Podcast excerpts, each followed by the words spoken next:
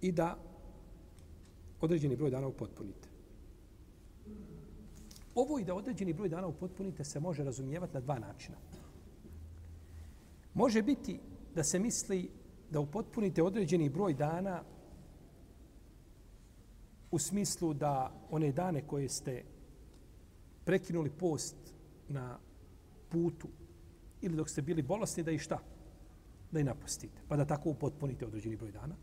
I može biti drugo značenje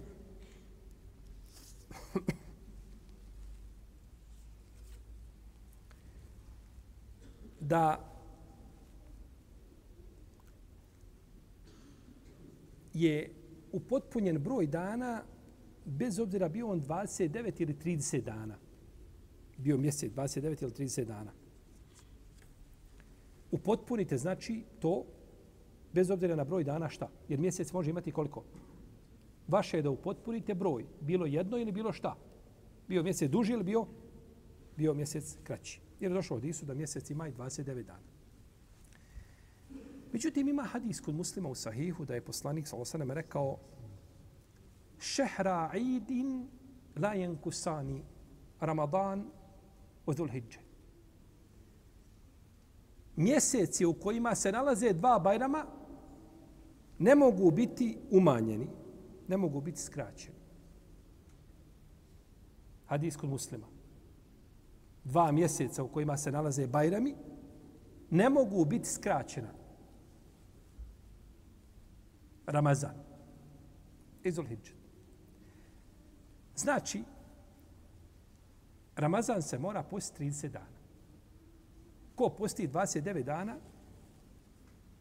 morao bi napostiti sve što je ostavio od toga i gdje je postio koliko? 29 dana. Jer mjesec ne može biti Ramazan manji od 30 dana.